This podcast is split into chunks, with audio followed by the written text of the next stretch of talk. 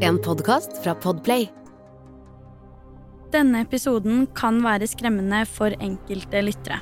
Om du er yngre eller sensitiv, bør du lytte til episoden med en voksen du stoler på, eller skru av.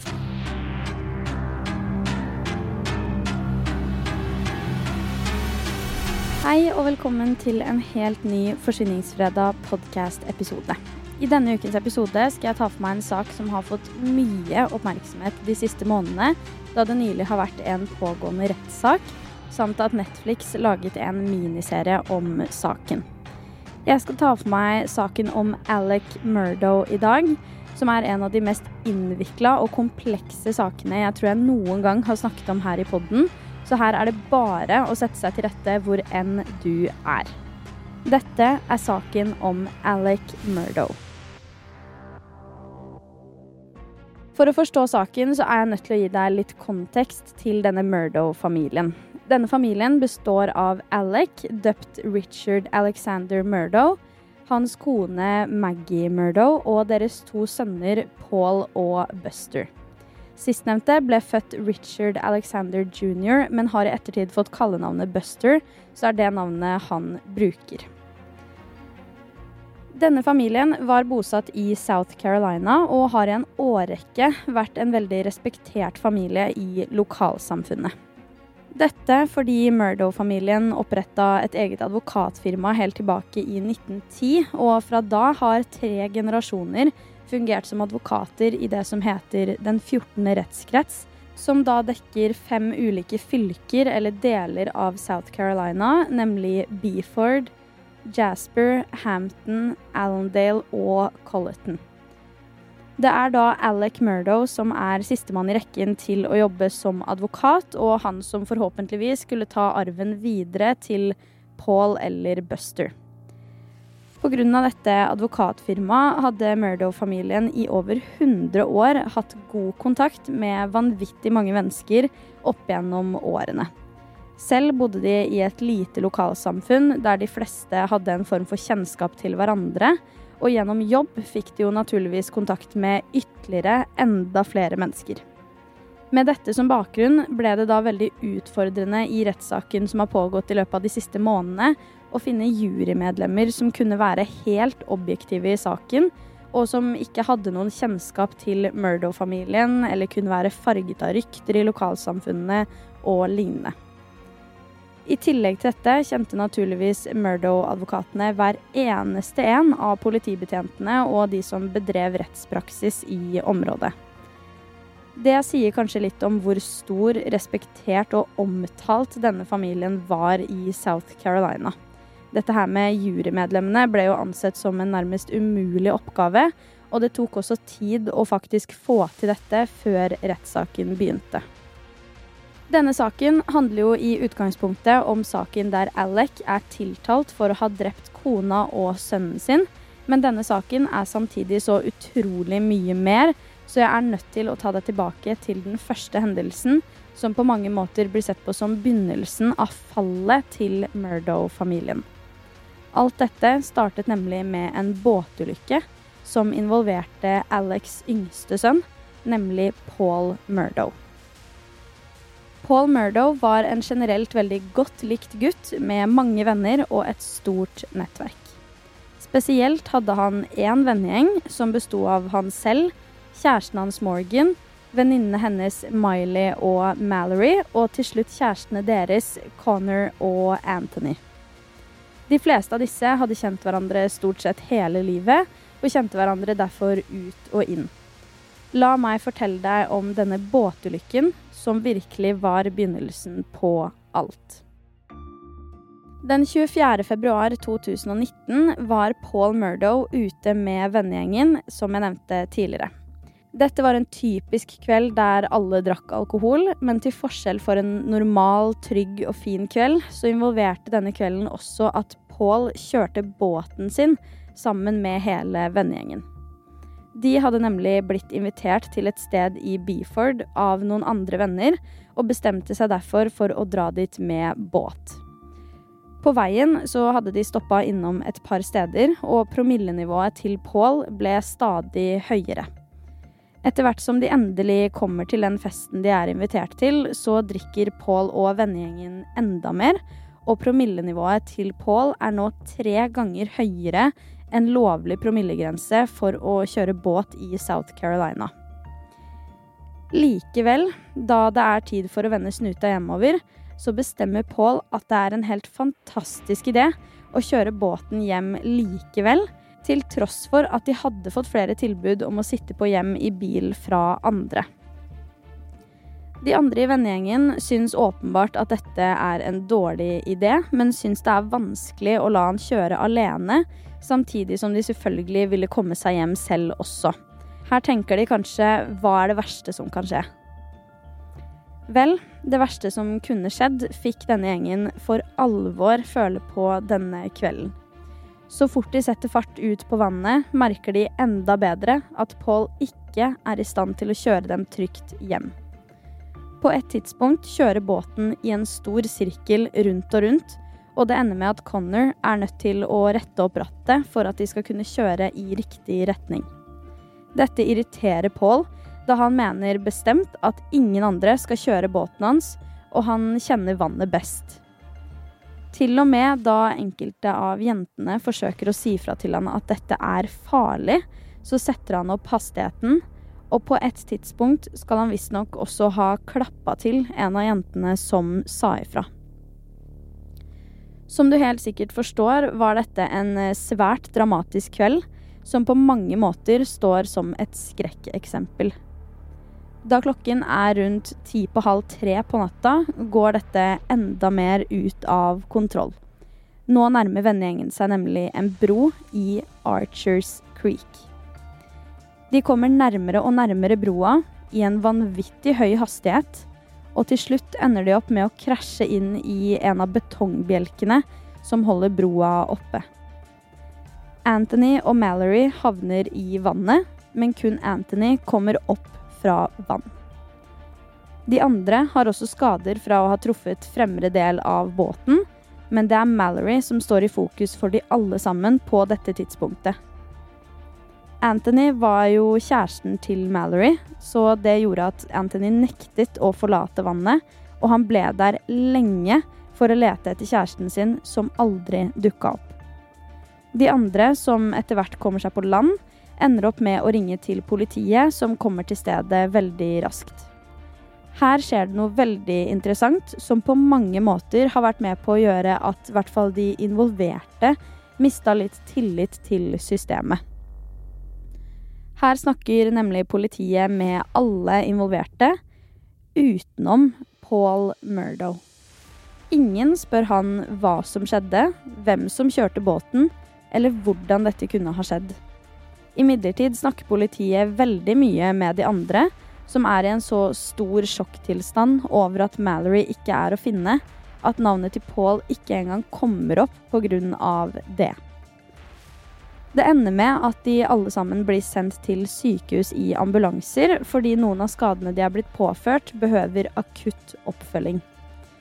Parallelt med dette setter politiet i gang et søk i vannet der Mallory forsvant, men det tar lang tid før dette leder politiet i noen retning. Det er det som skjer på sykehuset som har fått mange til å reagere i ettertid. Hit kommer naturligvis familie og kjære for å passe på barna deres, men også Alec Murdo og hans far dukker opp på sykehuset.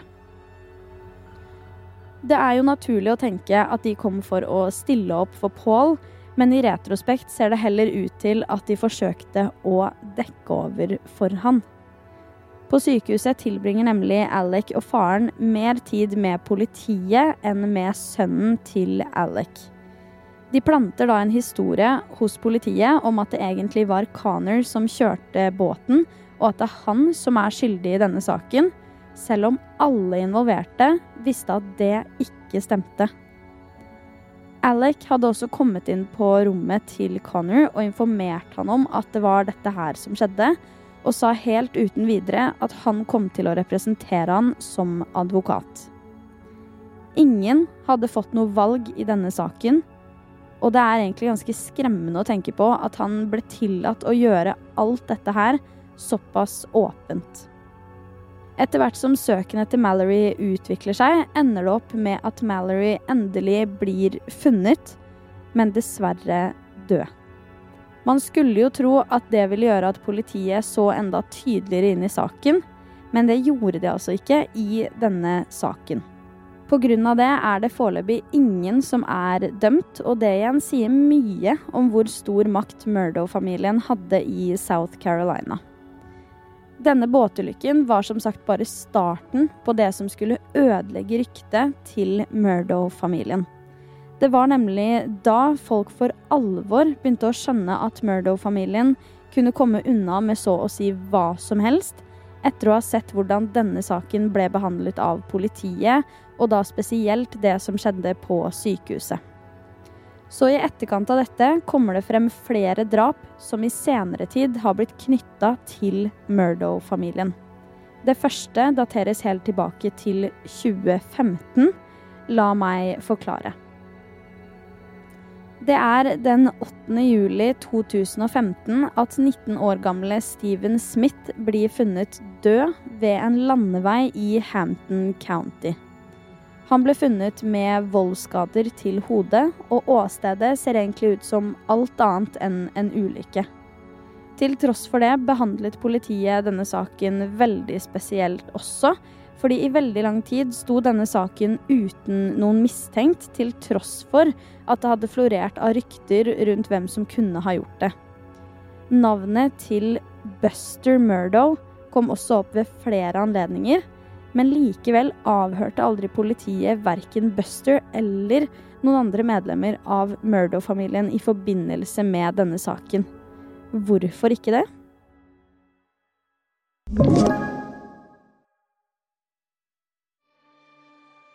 Det som er litt ekstra rart med akkurat denne hendelsen, er at etter hvert så var det en ganske stor andel av de vitnene som hadde blitt avhørt, som nevnte at de hadde hørt at Buster og Steven var involvert i et forhold.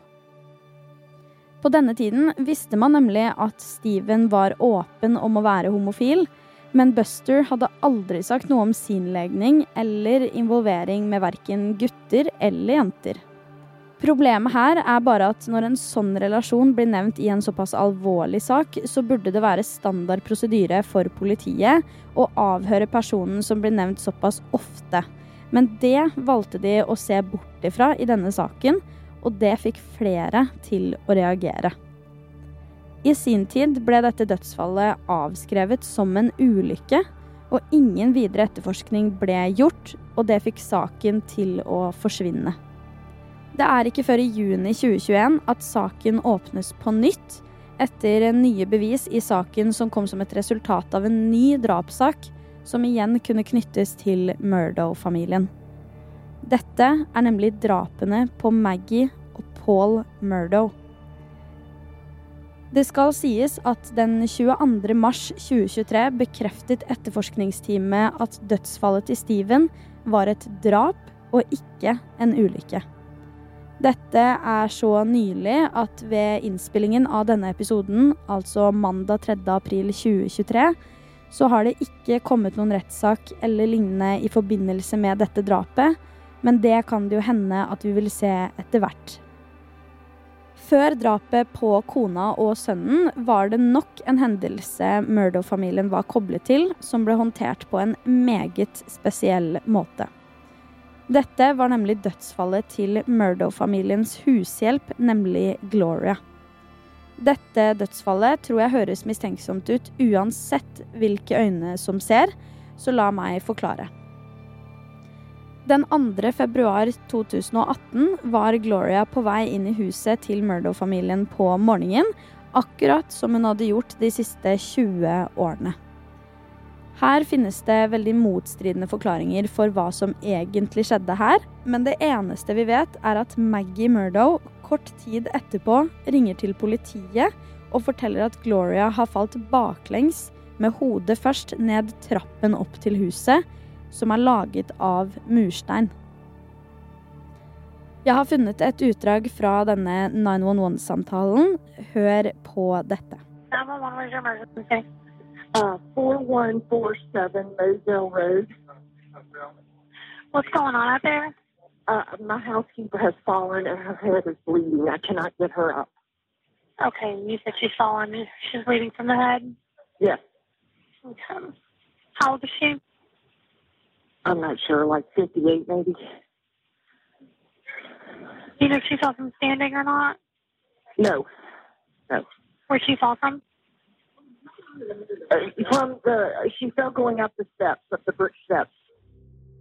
Den 26. februar 2018 dør Gloria av skadene på sykehuset og komplikasjoner hun fikk, bl.a. et slag. Dødsfallet ble avskrevet som en fallulykke og naturlige årsaker, og som et resultat av det ble det heller aldri utført en obduksjonsundersøkelse som kanskje kunne fortalt oss mer om hva som egentlig skjedde. Gloria hadde to sønner, og som et resultat av dødsfallet til moren deres ble de lovet en forsikringssum for dødsfallet. Dette skulle visstnok være på 4,3 millioner dollar, men frem til 2021 hadde ikke noen av sønnene sett så mye som et rødt øre av disse pengene.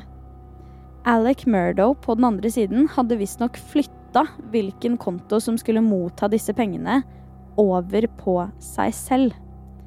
Han mottok da pengene ganske kort tid etter at det ble avgjort at det skulle utbetales en forsikringssum, men da ikke sagt ifra til sønnene at det hadde kommet inn på konto. Dette ses på som stjeling av penger, og faktisk er dette nok et tiltalepunkt i saken mot Alec Murdo. Faktisk ble det åpnet en ny etterforskning for saken til Gloria i 2022, hvor etterforskerne endelig fikk gå dypere inn i saken og også gjøre undersøkelser av liket og det som er. Foreløpig har ingen blitt tiltalt eller siktet for drap på Gloria, men i likhet med Steven Smith-saken kan det jo hende at vi vil se dette her etter hvert som tiden går. Nå over til drapene som er hele grunnen til rettssaken som pågikk tidligere i 2023. Vi skal tilbake til 7. juni 2021. Dette er nemlig kvelden da politiets operasjonssentral mottar en telefonsamtale fra ingen ringere enn Alec Murdo. Han forteller at han nettopp har kommet hjem og funnet kona si og sønnen sin liggende død på eiendommen deres. Bare hør på 911-samtalen. 911, where's your emergency? this is Alec Murdoch at 4147 Moselle Road. I need the police and the ambulance immediately. My wife and child just got badly. Okay, you said 4147 Moselle Road in Allison? Sir? You you said 4147 Moselle Road in Allison? Yes, sir. 4147 Okay. Moselle Road. Stay on the line with me, okay? hurry. Yes, sir. Stay on the line with me, okay? Denne samtalen kommer inn i titiden denne kvelden, og som du hørte her, var Alec tydelig opprørt og helt fra seg. Likevel finner politiet noe ved denne samtalen spesielt, og det gjør at han faktisk blir sett på som en mulig mistenkt i saken allerede fra begynnelsen av. I begynnelsen påsto Alec at han var hos den demente moren sin på drapstidspunktet, og at han derfor ikke kan knyttes til åstedet på noen måte. Men samtidig har politiet funnet en video på telefonen til Paul Murdo som ble tatt kort tid før ugjerningen har funnet sted. I denne hører vi Maggie og Alec ha en samtale, mens Paul filmer.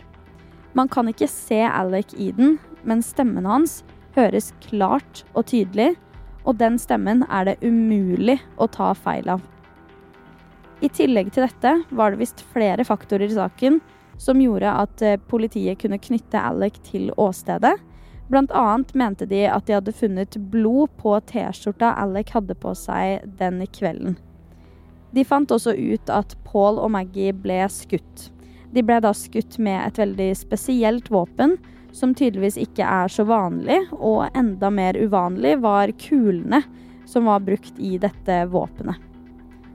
Sjokkerende nok, eller ikke sjokkerende nok, eide Murdo-familien nøyaktig et slikt våpen med slike kuler, men dessverre ble aldri dette våpenet tatt inn til politiet for undersøkelser. Det gjør at denne saken i utgangspunktet kun omhandler indisier og sannsynlighet for at Alec var involvert i denne saken. I juli 2022 ender han dermed opp med å bli tiltalt for drapene på kona si og sønnen sin. Før jeg går videre til hva som skjedde i retten og hvilken dom Alec endte opp med å få, så er jeg nødt til å fortelle deg om et tilfelle som satte denne mannen veldig i perspektiv, i hvert fall for meg. Denne hendelsen sier nemlig noe om hvor ufattelig desperat han ble på et tidspunkt, rett og slett på å renvaske navnet sitt og få tilbake støtten som han og familien hadde fått i over 100 år fra dette lokalsamfunnet. Den 4. september 2021, bare noen måneder etter drapet på Maggie og Paul, mottok politiet nok en 911-samtale fra Alec Murdo. I denne samtalen forteller Alec at han stoppet bilen langs veien for å fikse noe på bilen, da han plutselig blir møtt av en person som ender opp med å skyte han. Alec sier i samtalen at han har det fint, men at han blør fra hodet, og mistenker at det er der han har blitt skutt. Også dette høres merkelig ut for politiet, spesielt da forsvareren til Alec etter hvert går ut med at dette var et selvmordsforsøk som ikke gikk veien. I tillegg til dette bruker han også dødsfallene til Maggie og Paul som en måte å sanke empati på. I ettertid viste det seg at Alec Murdo egentlig hadde leid inn en fyr som han også brukte som doplanger på denne tiden. Visstnok hadde Alec fått denne mannen til å være en bidragsyter i dette, for at Alec igjen skulle få sympati, og at ingen kunne tro at han sto bak disse drapene på Maggie og Paul. Det er jo helt vilt å tenke på. Altså, hva får deg til å gjøre noe sånt som det her? I retten foreslo aktor at motivet til Alec for å drepe kona og sønnen kunne være å dekke over for alle hans finansielle ugjerninger, som i det aktuelle tidsrommet begynte å få mer og mer oppmerksomhet, og ble en gradvis mer offentlig sannhet. Alec Murdo erkjenner imidlertid ikke straffskyld i noen av forholdene han er blitt tiltalt for, men dette skulle endre seg i mars 2023. 2. mars 2023 er nemlig dagen da Alec Murdo blir dømt for drapet på sin egen kone og sønn, og dagen etter får han en strafferamme på to livstidsdommer uten mulighet for prøveløslatelse. I tillegg til dette mistet han naturligvis også lisensen sin som advokat, som et resultat av de økonomiske og finansielle anklagene mot han. Dette var saken om Alec Murdo og alt som har skjedd gjennom de siste årene. Det er så vanvittig sykt å tenke på at denne familien har fått slippe unna med så ufattelig mange forferdelige hendelser i løpet av det siste tiåret, og man begynner jo selvfølgelig å lure på om det kanskje er mer de faktisk skjuler. Alt vi vet, er at Alec Murdo nå vil sitte i fengsel for resten av livet sitt. Og Buster Murdo er den eneste personen i familien til å gå fri. Jeg er som alltid veldig interessert i å høre dine tanker om den saken, så dersom du har noen tanker eller meninger, så send det gjerne inn til meg på Instagram, der jeg heter Forsvinningsfredag. Du har hørt Forsvinningsfredag podkast med meg, Sara Høydahl. Tusen takk for at du har lytta til episoden. Jeg er tilbake med en helt ny en allerede neste fredag. Og i mellomtiden, ta vare på deg selv.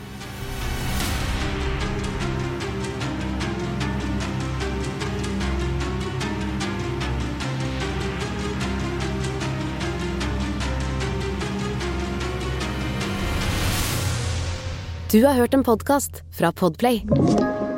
En enklere måte å høre podkast på. Last ned appen Podplay eller se podplay.no.